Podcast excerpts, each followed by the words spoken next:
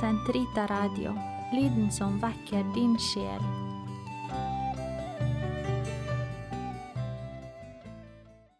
Den katolske kirkes katekisme, uke 51, søndag 2541 til 2547. Åndens begjær.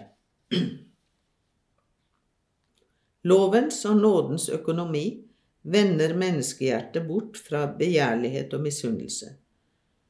Den fører det til å begjære det høyeste gode. Den lærer det opp i Den hellige ånds begjær som metter menneskets hjerte.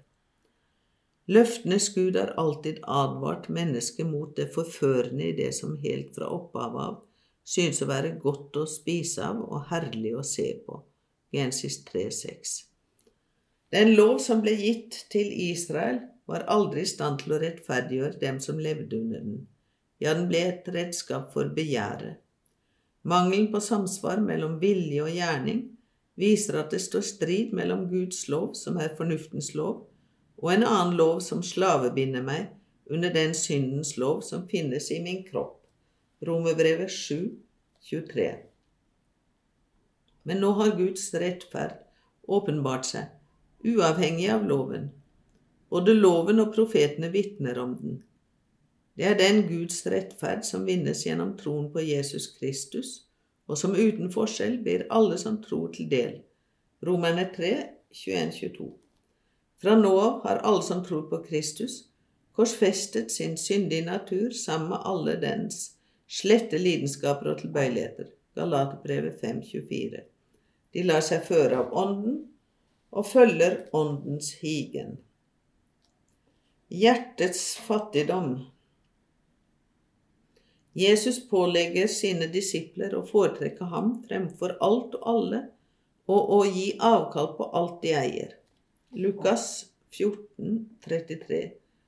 For hans og for evangeliets skyld.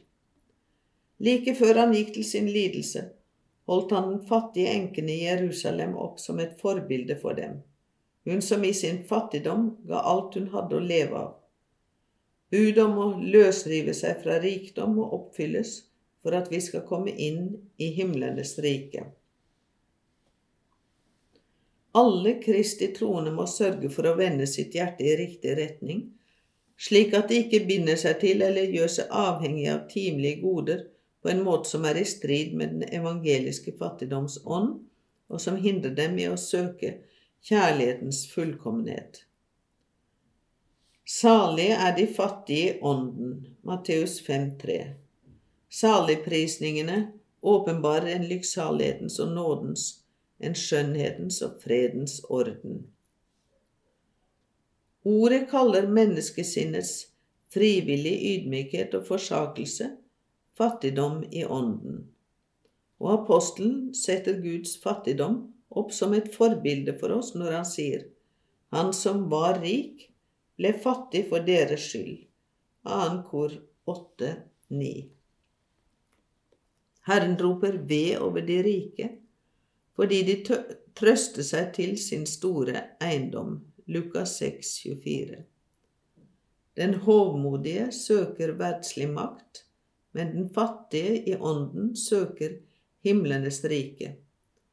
Overgivelse til den himmelske Fars forsyn setter oss fri fra bekymringer om morgendagen. Tillit til Gud gjør oss skikket til de fattiges salighet. Det er de som skal se Gud.